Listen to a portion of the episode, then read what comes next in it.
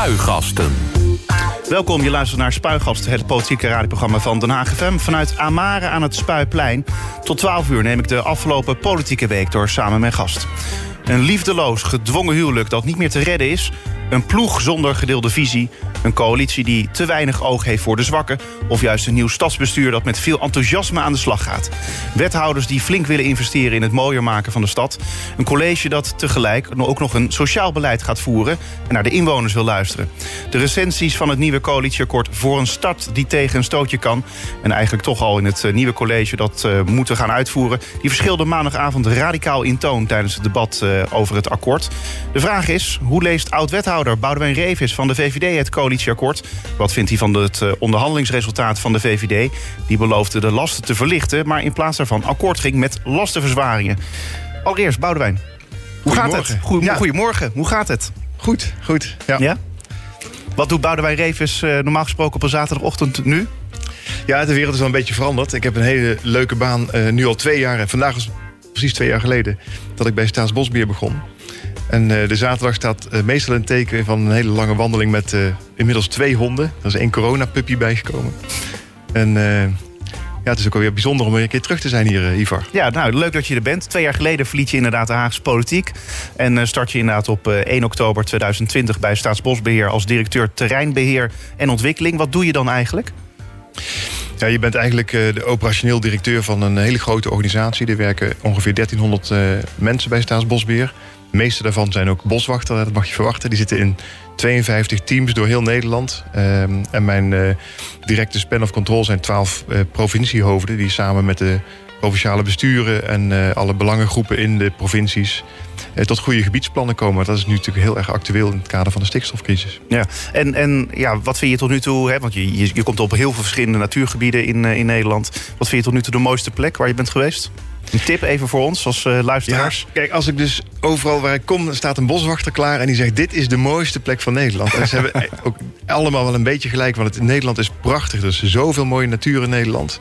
En uh, zeker als je daar heel bewust uh, een, een, rondje door gaat maken door die Nederlandse natuur, dan zie je zoveel fantastische plekken. En wat mij ook opviel is dat er ook heel veel verborgen plekjes zijn. Dus naast die hele grote bekende natuurgebieden, de Biesbos, de Oostvaardersplassen, de Weerribben, uh, zijn er ook gewoon hele kleine stukjes prachtige uh, in, in Twente of in, in Brabant, de Leenderheide, noem het maar op. Het is allemaal zoveel, zoveel verscheidenheid in Nederland. Daar moeten we echt zuinig op zijn. Ja, en ik had wel verwacht eigenlijk dat je nu nog, toch nog even Den Haag zou noemen. Maar helaas. Haagse Bos bijvoorbeeld. Het Haagse Bos is natuurlijk helemaal fantastisch. Westduinpark. Ja. ja, ja. maar in Den Haag, wat is het mooiste plekje volgens jou? Het mooiste plekje van, van Den Haag? Nou, ik, ik, ik geniet er iedere dag van. Ik vind uh, het park Klingendaal, het ligt in Wassenaar, hè, maar het is van Den Haag. Ja. Vind ik echt een pareltje en ook een onderdeel van mijn leven. Want daar, ja, daar loop ik bijna iedere dag. Leuk. Met, op, met de 200 dus nu inmiddels. Ja. Um, ja, is er eigenlijk nog een moment geweest, hè, als je daar dan zo loopt in die na natuur, dat je misschien toch nog even de politiek wel miste? Ja, ik heb het iedere dag tot de laatste dag naar de zin gehad. En, uh, uh, en ik heb het aan de andere kant ook weer niet echt gemist. Ik heb heel uh, bewust een nieuwe stap gezet. Ik ben daar vol met alle energie ingegaan. Het enige wat ik in het begin echt wennen vond, is dat je de krant leest. En denkt, jeetje, wat zou daar gebeurd zijn? Ik ben er niet meer bij. Ja, precies. Ja. ja. En uh, is het eigenlijk cold turkey afkicken wat je hebt gedaan? Ja, het is redelijk cold, cold turkey. Ik ben, uh... Want je hebt echt bijna niks meer gedaan. Je hebt geen interview meer gegeven sindsdien? Nee, nee, ik zit hier ook als een grote uitzondering. Ik heb het jou een keer beloofd, Ivar. Maar ik vind het ook niet zo uh, uh, goed als oud-politici... nog eens vanaf de tribune de voetbalwedstrijd gaan beschouwen. Je hebt ervoor gekozen die politiek in te gaan om zelf te voetballen... en niet om commentator te worden. En... Uh, dus daar had ik geen behoefte aan. Uh, ik ben ook gestopt met Twitter en Facebook. Dat was uh, als politicus nuttig en nodig. Maar het geeft heel veel rust als je niet dat uh, gekwetter, gekwetter de hele tijd om je heen hebt. dus je hebt ook niet meer op Twitter gekeken überhaupt? Of kijk je er nog stiekem wel eens een keer op? Nee, maar dat kan niet meer. Ja, ik kan inloggen via Google of zo. Kan ik er nog komen. maar ik heb geen app meer. Oké, nee. oké. Okay, okay. Dus nou ja, als mensen ja. nog naar aanleiding van deze uitzending misschien nog wat twitteren... dan... Schrijf een brief. Je leest het niet, precies. Ja, of een postduif. jouw vertrek heeft wel wat teweeg gebracht. Hè? Want in een artikel van Omroep West van eind vorig jaar. met het vertrek van voormalig wethouder en partijleider Boudewijn Revis... is de partij, dus de VVD, stuurloos geworden. En opvolger en lijsttrekker Anne Mulder die zou geen regie voeren. Met het vertrek van Revis is het voor velen niet alleen onduidelijk... wie de regie, wie de regie voert binnen de VVD, maar ook binnen het stadsbestuur. had je eigenlijk het idee zelf dat je de VVD en ook het stadsbestuur ontredderd achterliet? Nee, niet ontredderd. Maar je weet wel dat het een uh, opvolging is altijd een ingewikkelde fase. En uh, het is ook een verantwoordelijkheid van degene die weggaat... dat op een moment te doen dat het uh, kan. En ik denk dat het voor het stadsbestuur kon op het moment dat we een begroting hadden... dat er een nieuwe burgemeester was. Jan van Zanen was net begonnen. En dat het voor de VVD kon omdat het ver genoeg was voor de verkiezingen... om te zorgen dat je op een rustige manier een nieuwe lijsttrekker kon kiezen. Uh, ja, ook een nieuwe campagne kan bouwen rondom de nieuwe mensen die, dat, die de VVD weer verder dragen. Ja, er is wel een hoop gebeurd, ook sinds jouw vertrek. Of moet ik zeggen, een hoop projecten liepen juist vast eigenlijk nadat jij weg was gegaan. Mulder die nam de bouwplannen terug, of hij probeerde ze met veel concessies toch door de raad te loodsen. Projecten zoals Bellevue naast Centraal Station, chaos rond de voormalige, het voormalige ministerie van Sociale Zaken. de verplaatsing van de raamprostitutie gaat niet door.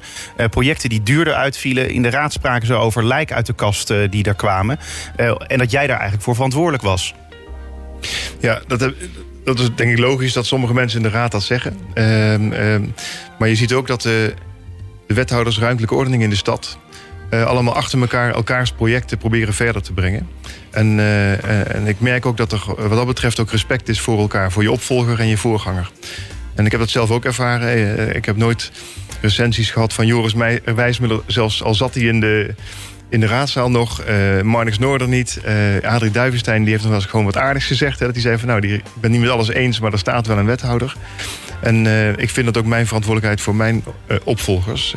we weten allemaal dat ruimtelijke ordening een ontzettend ingewikkeld dossier is. Dat je te maken hebt met heel veel emoties bij bewoners. Moeilijke debatten in de raad lastige uh, financiële beslissingen, risico's die je loopt, onderhandelingen met. Uh, met bouwende partijen. Zeker omdat heel veel ontwikkelingen niet op onze eigen grond van de gemeente, ik zeg onze, hè, maar van de gemeente plaatsvinden. En uh, en dat je dat dus op een andere manier moet proberen uh, vorm te geven. Ja. Uh, dus het is een ongelooflijk moeilijke taak. Ook in een steeds moeilijker wordend politiek klimaat. Dus, maar, maar, niemand ontkent ook dat het natuurlijk moeilijk is. Aan de andere kant, hè, en dat was even het beeld wat men kreeg. van hè, Boudewijn Reven is vertrokken. En vervolgens komt dus de ene lijk, het ene lijk na het andere lijk uit de kast. Zo werd het geschetst in de gemeenteraad. Ja. Door een deel van de oppositie. Zeg ik even bij. Ja, nee, dat is hun goed recht. Ja. Maar en, dat, dat, dat, dat is dus niet zo, zeg jij. Nee, en je krijgt dan allerlei als-dan redeneringen. Van, uh, uh, want, nou, als je er nog had gezeten, dan, dan had je dat zelf misschien ofwel opgelost... ofwel was dat lijk dus uit de kast gekomen, terwijl jij er zat. Ja, aan de andere kant zie je dat alle projecten zijn ingewikkeld, zijn gecompliceerd. sommige kunnen niet doorgaan. Ik heb zelf in de, de, laatste anderhalf jaar ook nog besloten... het project rondom de Mali-toren daar stop te zetten omdat er gewoon te veel risico's aan zaten. Dat zijn beslissingen die moet een wethouder ruimtelijke ordening nemen. En als je ook ziet dat de politiek draagvlak in de raad eh, verandert... of er niet is, dan moet je ook een project bijsturen. En dat heeft Anne Mulder volgens mij gedaan. Ja. En gelukkig gaan er ook nog heel veel dingen door. Ja, dat wel. Maar er gaan ook een heleboel niet door. Of in ieder geval, die lopen vertraging op. In, in dat opzicht wordt er dan gezegd... het gaat niet lekker met Den Haag. Ik denk dat het uh, heel goed is dat er nu in het coalitieakkoord weer staat... dat de ambitie van het stadsbestuur is om 4000 eh, woningen uh, per jaar te bouwen. Die bouwproductie is essentieel voor een gezonde stad voor de toekomst. De stad gaat ook verloederen als je dat niet doet. En het is uh, altijd een uphill battle. Hè. Dus vechten met de sterke tegenwind om dat getal te halen. En dat heeft iedere wethouder ruimtelijke koning achter elkaar meegemaakt. En ik, ja, ik ik eh, ben ervan overtuigd dat bijvoorbeeld nu Robert van Asten eh, een wethouder is met heel veel ervaring om dat ook voor elkaar te krijgen. Het is echt nodig voor de stad. We gaan het zo uitgebreid hebben over dat uh, coalitieakkoord en ook het verschil tussen papieren werkelijkheid en uh, realisme. Uh, maar natuurlijk beginnen we altijd, zoals altijd, met. Het politieke weekoverzicht. En dan de eerste dag. Maandag 26 september. Enkele boze boeren die zijn maandagavond met tractoren naar Den Haag gekomen. terwijl Mark Rutte een zeldzaam interview vanuit het Katshuis gaf. De politie die hield de demonstranten in de buurt van de ambtswoning van de premier tegen. En even later is Rutte wel naar buiten gekomen om met de boze boeren te praten. Uh, allereerst, ja, er kwamen weer wat boeren naar Den Haag. Dat is eigenlijk geen nieuws meer te noemen, want dat gebeurt eens in de zoveel tijd. Uh, maar dat ze bij het katshuis stonden tijdens een interview. Wat vond je daarvan, uh, Boudewijn? Ja, er zitten meerdere elementen aan dit verhaal. Aan de ene kant is het eh, werk voor politici steeds ingewikkelder eh, geworden. Ook omdat mensen echt eh, tot aan je stoep staan. eh, bij eh, Sigrid Kaag voor de deur, bij eh, eh, de boeren aan het katshuis als je een interview aan het geven bent. Dus eh, de druk op mensen die die verantwoordelijkheid dragen neemt enorm toe. En dat is niet altijd goed voor een goede besluitvorming en, en voor een beetje fatsoenlijk samenwerken. En dat de boeren in Den Haag komen, ja, dat, dat roept bij mij ook een beetje herinneringen op. Want in de periode dat burgemeester Paulien Krikke was afgetreden en ik local burgemeester was, waren een paar van die hele grote boerenprotesten. En toen ben ik in contact gekomen met Staatsbosbeheer, want die, eh, daar moesten we over eh, praten over het Malieveld konden gebruiken om al die tractoren neer te zetten. En eh, dankzij die boeren zit ik nu bij Staatsbosbeheer. Kijk, zo kan het ook weer lopen, inderdaad. En, en het interview met Rutte, dat heb je ongetwijfeld een beetje gevolgd. Onder meer tijdens de stikstofcrisis, de toeslagenaffaire... of rondom de gasbeving in Groningen... kreeg Rutte meermaals de kritiek dat hij onzichtbaar was. Die kritiek die was meestal terecht, erkende de premier in het gesprek. Vond je dat een beetje een goed verhaal van Rutte? Ja, wat mij vooral opviel is dat ehm, in de afgelopen maanden heel veel mensen dachten van ja, jeetje, joh, 12 jaar premier is, het niet een keer klaar. En als je dan kijkt naar de algemene beschouwingen en naar dit interview, ook een interview met Sven Kokkelman, wat niet de minste interviewer is, dan zit daar eh, volgens mij iemand die eh, heel veel energie heeft. En eh, waarvan ik ook wel een beetje blij ben, en ik hoop heel veel andere Nederlanders ook, dat, er, dat hij er nog is in een tijd waarin we in grote onzekerheid leveren, zowel internationaal als nationaal.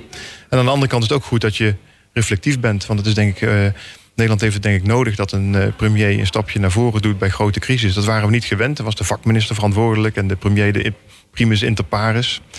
Ik denk dat we er eens over moeten nadenken of dat inderdaad moet veranderen. En dat zei hij eigenlijk. Ja, maar had hij niet bijvoorbeeld al eerder een stapje naar voren moeten zetten? Want hè, dat is juist een, het verwijt wat hij heeft gekregen... Van, hè, dat hij eigenlijk onzichtbaar was bij die meerdere crisis. Ja, volgens mij zegt hij zelf, ja, dat had gemoeten. Dus wie ben ik om daar iets anders van te vinden? Maar ik, ik, ik- er zit wel een groot staatsrechtelijk eh, element in. Want de premier in Nederland hebben we eigenlijk geprobeerd eh, zo in te richten... dat dat iemand is die de vergadering voorzit op vrijdag. Maar dat is het dan wel zo'n beetje. En nu verwachten we allemaal leiderschap van die premier. En dus wordt dat dus ook een belangrijkere functie. Ehm, en eh, nou, als eh, Mark Rutte er zin in heeft om op die manier dat vorm te geven... dan denk ik dat hij nog heel lang mee kan. Ja, hij wil zich meer laten zien, begrijp ik. Dus ik denk dat hij binnenkort ook hier in Spuigasten langskomt. We gaan door naar de volgende dag. Dinsdag 27 september. Dat verklaar en beloof ik. En zo waarlijk helpen mij God almachtig. Met deze uitspraken zijn dinsdagavond de acht kandidaatwethouders door de burgemeester beëdigd. Ehm, ja, er is eigenlijk amper iets eh, veranderd hè, in de samenstelling van het eh, college. Alleen Marielle Favier van GroenLinks die is tot het eh, college toegetreden. Lisbeth van Tongeren die heeft het college verlaten. Zie je dit nou als een sterk, daadkrachtig college? Ja, ik denk het wel. Er zitten ervaren mensen die ook echt wel wat voor elkaar kunnen krijgen. Het is ook heel leuk en ik wil Marielle Favier hier ook echt mee feliciteren dat zij nu eh, wethouders geworden. In de tijd dat zij als raadslid ook eh, vaak met ruimtelijke ordeningsdossiers bezig eh, was, heb ik iemand gezien die heel erg van de inhoud is, weet waar ze over praat en daar ook met veel passie wat van wil maken. Ik vind het ontzettend eh, eh, mooi dat Kavita Poupadial nog een tweede ronde eh, doorgaat. Want die heeft ook echt wat gepresteerd. Hè. Niet alles staat in op de voorpagina van de krant. Maar eh, de afspraken uit twee coalitieakkoorden in die vier jaar tijd, afgelopen vier jaar, op het gebied van zorg, heeft zij verwezenlijkt. Inclusief ook soms moeilijke bezuinigingen zonder een grote politieke rel. Dat is echt knap. En eh, nu gaat ze aan de slag met werkgelegenheid. Ik denk dat we daar ook echt wat van gaan merken. Ehm, en het zijn allemaal ervaren mensen. En dat hebben we nu ook wel nodig, denk ik, in een, ja, in een toch wel crisistijd. Ja. En wie zie je dan als de sterkste wethouder? Nou, ik, ik, volgens mij is dat niet de wedstrijd. Iedereen heeft zo zijn eigen... Nee, maar ik vraag het. ik mag het vragen, toch? Ja, maar ik denk dat dat is natuurlijk verschillend. Want je hebt eh, sommige mensen moeten sterk zijn in het debat en de anderen sterk zijn in, eh, in de dossiers. Eh, ik, ik noemde net uh, Cavita Parbourial, die ook de gemeentelijke organisatie nu onder zich heeft. Daar moet je een bepaalde kwaliteit voor hebben. En da- daar is zij denk ik ook echt de beste van. Ja, maar ik doe even op iemand zeg maar, van, hè, die je eigenlijk dus niet kan missen in zo'n college. Net zoals hè, wat ik eigenlijk aan het begin noemde. Van, hè, Jij vertrok als wethouder en mensen zagen jou toch als degene die de lijnen uitzette, de boel bij elkaar hield. Eh, Nou, die en, die ja, rol komt automatisch neer bij Robert van Asten. Ja. Dat is de, de, de, de, de grootste partij in de coalitie. En eh, met een, een, groot dossier. eh, en ook een politieke leider van zijn, van zijn partij. En, en gelukkig is dat ook iemand met heel veel ervaring. Ja. Nog een tip aan het nieuwe college. Hoe houd je iedereen bij elkaar? Ja, het gaat, ik had er altijd een hekel aan als voorgangers tips gingen geven. Dus dat weten ze echt heel goed zelf. Nou, dan nog een tip voor, om de oppositie erbij te betrekken. Want dat gebeurt tot nu, toe, nu, tot nu toe nog niet heel erg, heb ik het idee. ik heb het idee dat er wel heel veel ehm, eh, behoefte aan is in de, in de coalitie en bij het college. En dat ze ook proberen die hand uit te steken. Ehm, ehm, wat ik wel eh, heb gezien de afgelopen jaren dat ik eh, zelf actief was... en het is niet gestopt de afgelopen twee jaar... is dat de verhoudingen steeds verder verruwen. Dat er weinig wordt gezocht naar wat kunnen we samen bereiken... en dat er meteen een uh, nadruk wordt gelegd op de verschillen. En daar hebben beide kanten, ook de oppositie, hebben daar een verantwoordelijkheid. Woensdag 28 september. Er komt een onafhankelijk extern onderzoek naar mogelijk grensoverschrijdend gedrag door Tweede Kamerlid Kadisha Ariep van de PvdA in haar tijd als Kamervoorzitter van 2016 tot en met 2021. Bevestigen ingewijden aan NRC. Het dagelijks bestuur van de Tweede Kamer, dat onder leiding staat van Kamervoorzitter Vera Bergkamp, die besloot daar woensdag toe na een vertrouwelijk advies over de kwestie door de landsadvocaat. Dat is ingezien door NRC. Het is een unicum dat het presidium, bestaand uit acht Tweede Kamerleden en de Kamervoorzitter, onderzoek laat doen naar het gedrag van een oud-voorzitter, die bovendien nog steeds lid is van het parlement. Is dit nou de politiek op haar lelijkst? Nou, dat twee, uh, een voorzitter en, en, en en en de oud-voorzitter in de media met elkaar op de vuist gaan, dat is misschien voor beide niet zo verstandig. Um, maar wat je hier wel ziet is uh, dat we met z'n allen worstelen met hoe moet je nou omgaan met ongewenst gedrag en wanneer ga je nou een onderzoek instellen. Uh, wanneer is het überhaupt ongewenst gedrag? Wanneer is het ongewenst gedrag? Is een onderzoek nou zorgvuldig of beschadigt dat al mensen? Want uh, dat is eigenlijk wat Ariep zei. Hè? Ik ben eigenlijk bijvoorbeeld al veroordeeld. En dat hebben we natuurlijk zelf ook in Den Haag uh, ook meegemaakt. Hè? Bij meldingen of verdenkingen. Uh, dus ik, dat, ik, denk dat de hele samenleving daar steeds meer mee uh, aan het worstelen is. En dat zie je nu op de plek van de Kamervoorzitter uh, zich concentreren. Ja, ja wat, wat kan ik je verder nog over vragen? Wat kun je hier nog over zeggen? Ja, maar dat, je, weet, je kent de feiten niet, hè? Dus nee. het is denk ik gepast om daar niet te veel over te zeggen. En niet te zeggen van, goh, de een vermaalt de ander. Of de, dat, dat kun je niet beoordelen. Ik heb zelf een paar keer contact gehad met Kadisha Ariep... toen ze Kamervoorzitter was en ik uh, vanuit Den Haag met de verbouwing van het Binnenhof bezig was. En ook een keer uh, toen ik als local burgemeester met die beveiliging van het Binnenhof bezig was, hè, met de boeren. Um, en um, ja, dan merk je dat je gewoon uh, allemaal serieuze ja, collega's van elkaar bent die het werk goed doen. En dat zal voor Vera Bergkamp ook zo gelden. Dus het is verder niet zo goed te beoordelen. Donderdag 29 september. Het lijkt erop dat komende jaarwisseling de vreugdevuren op Scheveningen en Duindorp door kunnen gaan. Burgemeester Jan van Zanen van Den Haag die heeft donderdag een evenementenvergunning afgegeven. Wel moeten de organisaties nog een aantal natuurvergunningen krijgen. De evenementenvergunningen voor de vreugdevuren in Laak en Eskamp die zullen zo snel mogelijk worden verleend, belooft Van Zanen. Ja, wat vind je ervan? De vreugdevuren gaan weer door. Ja, ik heb, Mogelijk, ja. ja. moet ik erbij zeggen. Ja, ja. Ik, heb, ik heb heel veel geleerd van de Scheveningers... toen we net na de vuur, uh, vreugdevuren, vreugdevurenramp... Ja. daar ook heel vaak naartoe zijn gegaan... en in zaaltjes met mensen hebben gesproken in die uh, maand januari. En uh, want ik dacht van ja, dit kan echt, uh, dit moet afgelopen zijn. En toen zeiden heel veel mensen, ook mensen die een hele spannende nacht hadden gehad... of uh, dicht bij die vuren, die, die lieten toch blijken... dat die vuren onderdeel zijn geworden van hun cultuur... en, en dat dat heel erg gewaardeerd werd, alleen niet meer zo. En uh, nu zijn we zover. Dus ik denk dat dit een uh, hele goede zaak is. Dat er zowel op de veiligheid en dat het ook gewoon volgens regels gaat. En dat er een vergunning is en die kun je ook handhaven. Uh, en dat het, ja, de, de, de, de manier waarop het uit de hand gelopen is... zowel aan de kant van de controle als aan de kant van de bouwers... die ook gewoon steeds maar verder gingen weer terug is gebracht naar een normaal volksfeest. Wat je op een veilige manier kan vieren. En dat is natuurlijk hartstikke mooi. Ja, ik zag de burgemeester uh, samen met uh, twee bouwers van, uh, van de organisatie, in ieder geval van Scheveningen, samen op de foto staan. En ze stonden er allemaal trots bij dat, dat, dat de evenementenvergunning dan ja. werd verleend. aan de andere kant denk ik van ja, de burgemeester is ook degene die de ja, die de boel moet verlenen, maar ook de orde moet handhaven. Is het dan wel verstandig dat je met elkaar op een foto gaat staan, trots? Ja, ik denk dat de burgemeester voordat hij die foto uh, liet maken... heel goed het rapport van de Onderzoeksraad voor de Veiligheid heeft gelezen. Dus echt wel precies weet waar hij mee bezig is. En misschien tijdens de foto ook al gezegd heeft... jongens, ik hou jullie in de gaten. Vrijdag 30 september. President Poetin die heeft in het Kremlin documenten ondertekend... waarmee Rusland vier gedeeltelijk bezette Oekraïnse regio's annexeert. Ook de door Rusland geïnstalleerde leiders van die regio's... die hebben hun handtekening gezet. Ja, het is een belangrijk moment eigenlijk in de oorlog in Oekraïne, dacht ik. Uh, ja, welke zorgen heb jij hierover? Ik vind het onvoorstelbaar.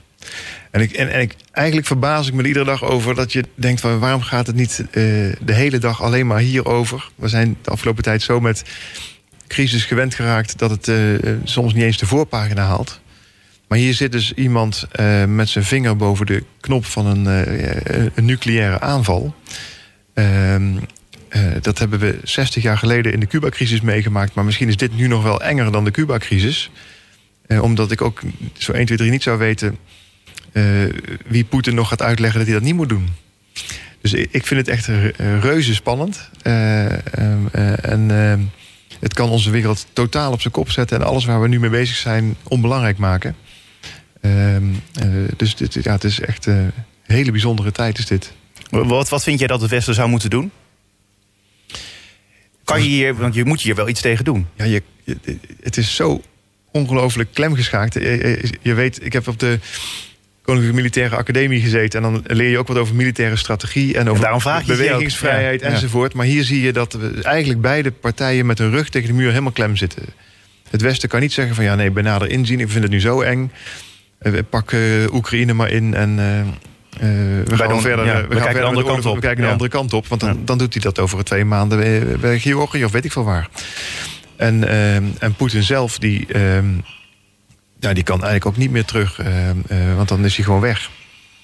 Ehm, dus dit, dit, is super spannend volgens mij. En, ehm, eh, en, en militair gezien ook eh, bijna niet op te lossen. Dit, aan de, de grondtroepen van beide kanten... die zullen ja, een hele moeilijke winter ingaan... maar de een gaat die ander niet zo makkelijk verslaan. En een nucleaire oorlog, daar moet je toch niet aan denken. We hebben eh, ons sinds de Tweede Wereldoorlog... nu met z'n allen in de hele wereld 75, 80 jaar ingespannen... om te zeggen dat mag nooit meer gebeuren.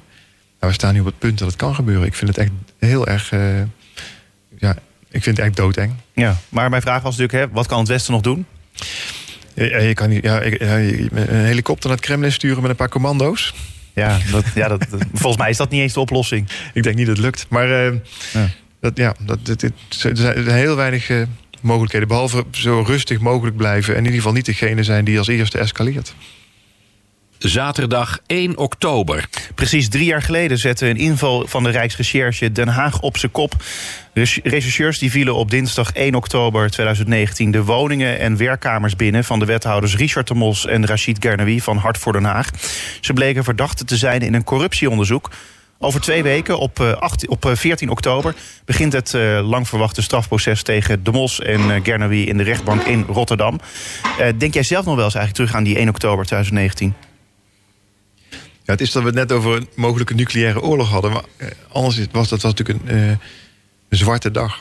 En eh, ook voor mijzelf een hele indrukwekkende dag. Want je staat 's ochtends op en je hebt geen idee wat je te wachten staat. En op het einde van de dag is alles anders. Ja. Ehm, in het artikel op omroepwest.nl staat... eh Arjen Dubbelaar die is in het bos als hij op woensdag 2 oktober... laat in de middag belt met eh, toenmalig VVD-wethouder Boudewijn Revis. Het gesprek gaat over het voortbestaan van de coalitie met Hart voor Den Haag. Tot op de dag van vandaag is Dubbelaar woest over dit gesprek... omdat hij zich in een maling genomen voelt door Revis. Eh, volgens Dubbelaar duurt het eh, bewuste telefoontje een paar minuten... en eindigt het met de opmerking van Revis... dat de drie coalitiepartijen na het telefoongesprek aan de slag gaan... om een gezamenlijke verklaring op te stellen... En ik heb nog niet neergelegd of er verschijnt een pushbericht van Omroep West op mijn telefoon. waarin staat dat de coalitie is geklapt, zegt Dubbelaar later die avond tijdens de extra raadsvergadering. De persverklaring van VVD, D66 en GroenLinks die lag dus al lang en breed klaar, is zijn conclusie. Klopt die conclusie? Ehm, er waren natuurlijk meerdere scenario's. En eh we hebben toen in de, eh, de restant van de coalitie afgesproken... om nog één keer eh, contact te zoeken met de partij Hart voor Den Haag... voordat we ook tot deze ingrijpende beslissing over zouden gaan. Dus ja, dat pers- persbericht lag klaar. Maar er was ook een optie dat het anders zou lopen. Want het ging eigenlijk vooral om eh, de vraag... neemt de partij Hart voor Den Haag voldoende afstand... van eh, de, eh, de op dat moment verdachte... eh, om weer eh, het vertrouwen te kunnen winnen. En eh, nou, dat, bleek op heel, een heel kort gesprek niet zo te zijn. Eh, en eh, ja, toen is er gebeurd wat er moest gebeuren. Maar wat ik dus niet snap, hè, jullie wilden als VVD niet verder met Hart voor Den Haag toen. Maar er werd toen nog aangeboden dat de Mos en Gernawi geen wethouder meer zouden zijn. Dat er andere wethouders zouden komen. eh, dat ze die dus zouden laten vervangen. Maar dat wilden jullie toen niet. Maar de VVD, nu onder leiding van Anne Mulder, wilde wel tijdens de verkiezingen Hart voor Den Haag niet uit de coalitiegesprekken ja, weerhouden, zeg maar. Niet uitsluiten. Waar, hoe, waarom snap, snap jij dit wel? Ik, kan op zich begrijpen dat daar eh, redenen voor zijn. Want de VVD eh, voelt zich natuurlijk inhoudelijk eh, voor een groot deel ook wel verbonden met een aantal standpunten van Hart voor Den Haag. En als je daar een coalitie mee maakt, heb je meer kans om je doelen te verwezenlijken. Eh, ik was het er zelf niet mee eens. Ik ben van mening dat het nog steeds onvoldoende eh, duidelijk is bij de partij Hart voor Den Haag dat ze veel eh, grotere afstand moeten creëren met mensen die verdacht worden. Nog los van het feit of ze het gedaan hebben of niet. Maar wil je zorgen dat de politiek en het stadsbestuur, en daar hoort de gemeenteraad ook bij, bij het stadsbestuur, dat die vrij is van ehm, de schijn van eh, corruptie, machtsmisbruik enzovoort. Ja, dan heb je ook een verantwoordelijkheid om daar eh, als partij afstand to- tot te nemen. Dus ik, ik, ik had het verstandig gevonden om de lijn die een aantal andere partijen gekozen hebben voor te zetten. Maar goed, dat is nu ook uiteindelijk het resultaat. Ja, maar sterker nog, de VVD ging zelfs nog een stap verder. Want die zei eigenlijk van, hè, eh, nou ja, wij willen juist eigenlijk graag met Hart voor Den Haag. Dat hebben ze toen nog zelfs laten weten. Dus dat moet je dan wel helemaal erg hebben gevonden. Of in ieder geval in het verkeerde keelgat eh, hebben geschoten. Nou, ik heb er niet slecht van geslapen hoor.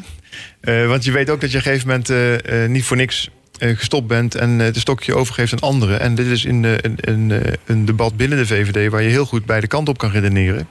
Eh, want je wil ook je doelen verwezenlijken. Ehm, eh, maar de integriteit van het bestuur, dat, dat- vind ik zwaarder wegen. Ja. Ehm, ja, ik, ik vraag me nog wel eigenlijk af van hè, waarom zei je eh, volgens Dubbelaar dan niet dat het besluit al was genomen om het vertrouwen in Hart voor Den Haag op te zeggen en dat eh, daarmee de coalitie was gevallen. Want ehm, ik begrijp dus uit het gesprek wat, wat Dubbelaar dus eh, in, een, reconstructie bij Omroep West zegt van ja, eh, ik had niet de indruk toen ik dat gesprek met, eh met Boudewijn Revens voer, eh, voerde eh, dat, dat, dat, dat jij eigenlijk nog ehm, nou ja, dat, dat het eigenlijk al helemaal lang en breed klaar was van welke route we zouden kiezen. Ja, het was natuurlijk een chaotische periode, dus ik, kan me dat gesprek niet meer letterlijk her- herinneren. Maar ehm, ehm, iets van dat gevoel kan ik me ook wel weer eh, eh, voorstellen. We hebben natuurlijk een, eh, een proces gehad waarin we met meerdere coalitiepartijen samen hebben afgesproken hoe gaan we hier nou mee om. Ik was op dat moment degene die ehm, dat telefoontje moest plegen, ook vanuit verantwoordelijkheid die ik had. Dus dat is volstrekt logisch. Maar dan ben je natuurlijk wel een beetje aan, gebonden aan de afspraken die je van tevoren gemaakt hebt voor, voor dat gesprek. En het was een, een, eh, eh, denk ik nodig om te checken. Want je gaat niet zomaar een coalitie helemaal eh, eh, opblazen. Eh, maar het, het gaf onvoldoende zicht op eh, vo- voldoende afstand van degenen die verdacht werden. Helder, tot zover het weekoverzicht. Meer nieuws vind je op onze website denhagfm.nl. 100% Haag. Spuigasten live vanuit Almere. Den Haag. Een liefdeloos, gedwongen huwelijk dat niet meer te redden is. Een ploeg zonder gedeelde visie. Een coalitie die te weinig oog heeft voor de zwakken. Of juist een stadsbestuur dat met veel enthousiasme aan de slag gaat. Wethouders die flink willen investeren in het mooier maken van de stad. Een college dat tegelijk ook nog een sociaal beleid gaat voeren... en naar de inwoners wil luisteren. De recensies van het nieuwe coalitieakkoord... voor een stad die tegen een stootje kan. En eigenlijk toch ook al het nieuwe college dat het moet gaan, eh, dat het moet gaan uitvoeren. Die verschilde maandagavond radicaal in toon... tijdens het debat over het akkoord. Hoe leest oud-wethouder Boudewijn Revens van de VVD het coalitieakkoord? En wat vindt hij van, de, van het onderhandelingsresultaat van de VVD? Die beloofde de lasten te verlichten, maar in plaats daarvan akkoord ging met lastenverzwaringen. Ja, eh, omschrijf het eh, akkoord eens even in één woord. Om te beginnen. Eh, consistent. Consistent. Oké. Hans Biesheuvel die zei vorige week: moet je. Het straalt weinig ambitie uit. Het is flats. Het is meer van hetzelfde. Niet echt een visie. En Richard de Mos die was hier vorige week te gast. Die zei creatiefloos. Ja, moet je je voorstellen dat je inwoner van Den Haag bent... en eh, je leest de krant of je luistert naar de radio... en je hoort dus politici die proberen samen te werken in de gemeenteraad... dit soort dingen over elkaar zeggen. Dan krijg je niet denk ik heel veel vertrouwen dat het ook goed komt. En eh, als je eh, oppositie voert en je hebt gewoon goede en betere ideeën... dan kun je die ook heel constructief inbrengen. Maar ik, ik noem dit akkoord consistent... omdat ik zie dat er gewoon een aantal taken van de gemeente... op een goede manier net als de vorige akkoorden, worden voortgezet. En eh, volgens mij is het heel belangrijk voor mensen thuis... dat de gemeente doet waar ze voor is. Dat als je de straat oploopt in je eigen buurt... dat de lantaarnpaal brandt, dat de scheve stoep wordt rechtgelegd. En eh, nou, daar is geld voor uitgetrokken, daar zit een plan achter. En dat zijn misschien hele saaie dingen... maar het is wel waar een gemeente voor, eh, voor is. En ik denk dat dat heel, heel belangrijk is. Nou, Richard de Mos zei trouwens even in zijn verdediging... zei wel vorige week van hè, als er goede plannen tussen zitten... en die zitten er ook tussen, dan omarmen en steunen wij die ook hoor. Eh, dus het is wel zo dat hij op bepaalde punten wel constructief is... maar dat hij gewoon overal genomen... en dat zegt Hans Biesheuvel van Ondernemend Nederland... eh, ook van ja, het is visieloos. Het is, er zit weinig creativiteit in. Ja, kijk, ik, ik zie dat niet zo. Ik zie dat er, eh, ik noemde het net al aan het, het vorige half uurtje... da- daar staat gewoon weer in... we willen 4000 woningen per jaar bouwen. Dat is niet visieloos. Dan heb je duidelijk een, visie over waar de stad naartoe gaat. En dat de stad eh, beter af is als er meer woningen voor mensen zijn. Dat je daarmee de vloedering tegengaat. Dat je moeilijke gesprekken ga- aangaat met mensen die wonen in een buurt... waar die dan die woningen ook komen. Dat je weet hoe die stad ontwikkeld wordt. Ehm, en dan noem ik één voorbeeld. En dat, ik denk dat dat voor al die ehm, ambities uit het akkoord eh, kan gelden. Dat je daar eh, ook heel positief over zou kunnen zijn. Ja. En natuurlijk zijn er eh, misschien andere plannen of nieuwe plannen die je daaraan kan toevoegen. En dat zou ik als inwoner van Den Haag hopen dat er gebeurt in de gemeenteraad. Ja, aan de andere kant denk ik van, hè, en dat is het verschil tussen papieren werkelijkheid en de echte werkelijkheid. Namelijk, hè, je kunt wel zeggen, we willen 4000 woningen, maar ja, Martijn Balsen, degene die ervoor verantwoordelijk is, die heeft het niet alleen voor het zeggen. Ik bedoel, hij kan dat, eh, hè, je kunt het proberen om uit te voeren, maar je hebt met zoveel verschillende factoren te maken eh, dat je die ambitie wel kunt uitspreken, maar je weet nu al eigenlijk van ja, het, het, het kunnen er misschien inderdaad niet 4000 eh, worden, maar misschien wordt het inderdaad, hè, gelukkig gesproken, wordt het er misschien wel meer. En negatief gezien wordt het er misschien wel veel minder. Kijk, als het 3.500 worden, dan krijg je van mij een dik applaus. Want het is hartstikke moeilijk. En het is eh, alleen maar moeilijker geworden, ook door regels die eh, eh, Hugo de Jonge oplegt. Hè, die- het moeilijker maken voor investeerders om te investeren in woningen. Het is moeilijker omdat steeds meer mensen in de stad ook denken van ja, ik wil best dat de woningmarkt verbetert, maar ik wil niet in mijn buurt meer woningen. Dus je zal tegen de wind in moeten roeien. Eh, maar het is echt nodig voor de stad. En daarom vind ik het zeker niet visieloos en ambitieus als je zoiets opschrijft. Ik denk wel dat je minder blij bent met dit akkoord dan het akkoord dat jij in eh, 2018 sloot. En het akkoord dat je in 2019 eh, sloot. Want de lasten die gaan flink omhoog. Ja, ik ben ook eh, van de partij VVD. En de VVD is een partij die eh, eh, probeert lasten laag te houden. En dat is denk ik een heel goed idee. Eh, niet alleen voor de portemonnee van degene die dat betaalt. En zeker gemeentelijke lasten eh, zijn vrij oneerlijk verdeeld over de stad. Hè. Er zijn maar een aantal mensen die dat betalen. Namelijk vooral de eigen huizenbezitters. Ehm, ehm, maar tegelijkertijd ehm, probeer je ook met eh, het laag houden van de lasten... te zorgen dat de overheid niet onnodig groot wordt. Hè. Dat er alleen een compacte overheid is die doet wat nodig is. En zo zit de VVD in de, in de wedstrijd en probeert, eh, probeert de VVD dat iedere keer voor elkaar te krijgen. En ik kan me herinneren uit het akkoord van 2019 dat de belastingen toen eh, eh, licht moesten stijgen. En dat we daar eh, als VVD hard voor gevochten hebben om dat te beperken. En dat zal ongeveer het verhaal zijn wat Anne Mulder nu ook vertelt. Ja, maar goed, het, het verhaal is eigenlijk ook richting kiezer. We hebben deze klus niet kunnen klaren. We hebben beloofd om lasten te verlichten. En je, wat, uiteindelijk wat je krijgt is lastenverzwaring. Dat is toch niet uit te leggen aan een kiezer die op de VVD heeft gestemd? Nou, ik, ik, ik schat de kiezers eigenlijk wat slimmer in. Ik denk dat kiezers heel goed weten dat eh, eh, partijen verkiezingsprogramma's maken. En dat er in die verkiezingsprogramma's allemaal ideeën eh, staan. En als je dan eentje uitpakt en je zegt van die heb jij niet helemaal gerealiseerd, waarom, waarom doe je dat? dat Ja, maar die, ik bedoel, we moeten niet doen als het VVD. De VVD ging echt met dit verhaal de verkiezingen in. We gaan de lasten verlichten. ja. En als, Dan had de VVD het gewoon niet moeten beloven, toch? Als de VVD had gezegd, en ze hebben op het punt gestaan, als ik de krant goed lees, hè, want ik lees dat tegenwoordig in de krant, om daar gewoon voor weg te lopen. Eh, als dat echt gebeurd was, dan waren de lasten denk ik een stuk hoger geweest. En ik ben blij dat de VVD aan de knoppen zit. Ook om eh, gedurende deze rit, als er nog eens tegenvallers zijn, niet onmiddellijk weer naar de belastingknop te grijpen. Is het akkoord linkser dan de andere akkoorden die jij eerder hebt eh, gesloten? Ehm, ik vind links en rechts is een hele ingewikkelde inde- indeling. Progressiever dan? Eh, indeling. Ik denk in zijn algemeenheid dat akkoorden eh, de laatste tijd wat linkser worden. En ook de akkoorden waar ik zelf aan eh, meegewerkt heb. En ook het akkoord van 2018, ook al was dat met een, forse eh, rechtse onderdeel van de coalitie. En omdat sommige onderwerpen worden als links gezien. Hè, dus als je echt een vergroeningsparagraaf wil en je wil dat de stad verduurzaamt, dan valt het in het bakje links. Nou, ik ben daarvoor. Ik vind dat dat goed is. En eh, ik denk dat het ook goed is, zeker in deze tijd waarin de, veel armoede kan ontstaan door hoge inflatie. Dat je zorgt dat mensen niet helemaal van de, eh, uit de boot vallen. Dat staat overigens ook in het VVD-beginselverklaring. Maar mensen zien dat toch als links. Maar dus de tijd vraagt wel om dat soort maatregelen. Ja. Ehm, ja, ik, ik denk dan wel weer van, hè, waarom heeft de VVD er niet voor gekozen? Want de VVD was wel een hele grote factor natuurlijk in de, in de huidige coalitie nu, in de nieuwe coalitie, eh, om niet meer te bezuinigen. Volgens mij wordt er ook wel bezuinigd. Nou, het woord bezuinigen staat niet eens in het coalitieakkoord. Nee, dat is misschien En de beste- korten ook niet. Nee. Maar misschien helpt dat ook wel om het te realiseren. Ehm, ehm, dus, maar ik, ik denk dat het ehm, heel belangrijk is om te zorgen dat je niet eh, ongebreideld eh, groeit. Ook niet als gemeentelijke organisatie. En dat is de afgelopen periode ook goed gelukt. Ehm, maar op een gegeven moment moet je ook zien dat je ehm, je dienstverlening niet meer op peil kan houden. Dus ik zie in dit akkoord bijvoorbeeld investeringen in de ICT van de gemeente. Het is heel saai, het is hartstikke duur. Ik ben blij dat erin staat. Het is volgens mij keihard nodig. Moet gebeuren. Ehm, en weer wordt er gekeken naar de verplaatsing van de prostitutiestraat. Althans, eigenlijk een, een, ja, het verdwijnen van de prostitutiestraten. Eh, ik had eigenlijk wel verwacht, stiekem, dat dit idee niet meer zou terugkomen in het akkoord. Want de gemeente die zoekt al zo'n tien jaar eh, naar een oplossing. Misschien wel langer. Jij weet dat beter dan, eh, dan ik. En de oplossing is er wel, maar die kost heel veel geld. Dus is het toch gewoon geen optie? Nou, ik- noem dat akkoord consistent en op dit punt kun je dat zeker zeggen. Ja. Het, is, is nu de derde, vierde keer dat dit in, in een eh, akkoord staat. En eh, hier wer- wordt al lang aan gewerkt. Ik denk dat het heel eh, goed is dat we die ambitie hebben. Om twee redenen. Ik vind het op dit moment, zoals de voorzieningen er zijn... en mensen moeten werken in, in die omstandigheden...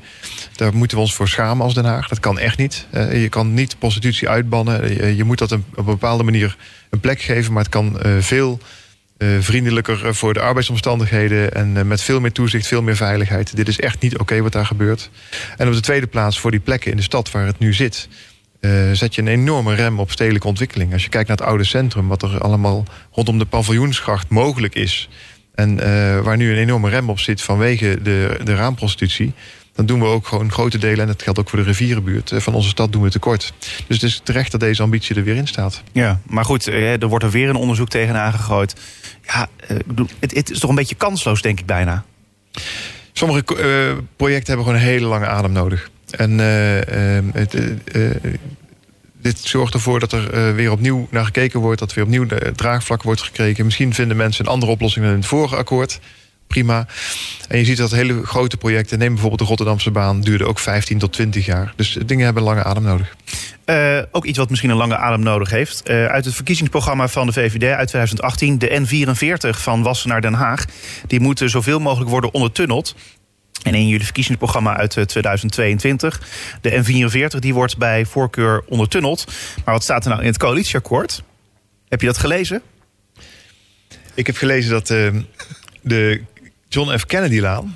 Nee, dit is even niet. Dit is niet dat is wat verlengde daarvan, hè? Ja, eh, En dat vond ik wel fijn, dat daar eh, een, een ongelijkvloerse kruising komt. Dat is iets waar ook al, eh, al lang aan gewerkt wordt. En ik denk dat het voor de Scheveningse weg en de Kennedylaan heel goed is... dat daar zo'n grote verkeersingreep, een ongelijkvloerse kruising komt. Oké, punt gemaakt. Maar de, dan over die N44. Geen letter en ook geen cijfer trouwens Nee, daarover. Nee, ding ligt ook buiten onze stad, hè?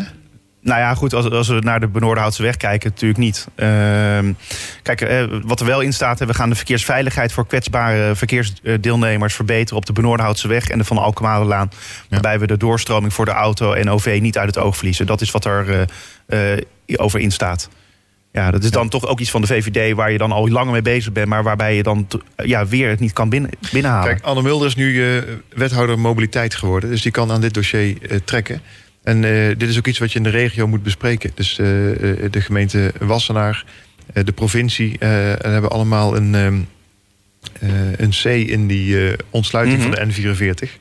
En ik rijd er tegenwoordig vaker dan, dan, dan vroeger. En soms ook in de file. En dan denk ik, het is eigenlijk zonde voor al dat groen... en voor de gemeente Wassenaar... dat, dat, dat die weg er zo op deze manier doorheen loopt. Dus ik denk dat een verdiepte ligging of een tunnel...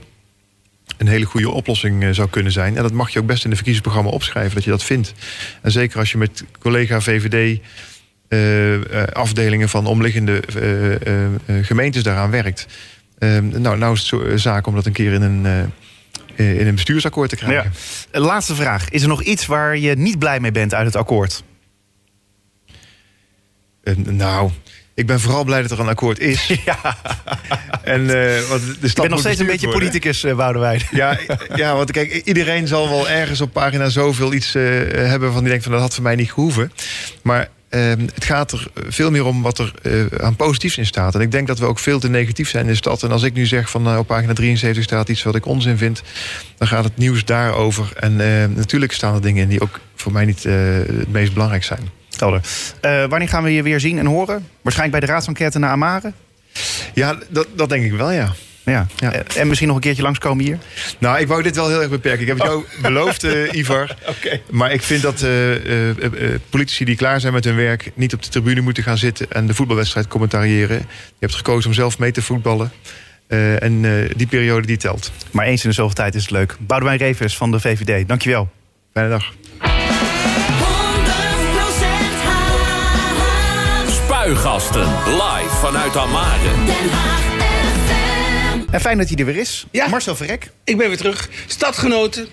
Je kan hier ook niet twee weken weg zijn of de hele zaak staat weer op zijn kop. Er is zelfs een nieuw college. Het moet niet gekker worden. Dat wordt het natuurlijk wel, want Poetin is inmiddels in een dolle Russische beer veranderd. Wie kan die man nog temmen? Er wordt gefluisterd dat Khadija Arip binnenkort naar Moskou zou gaan.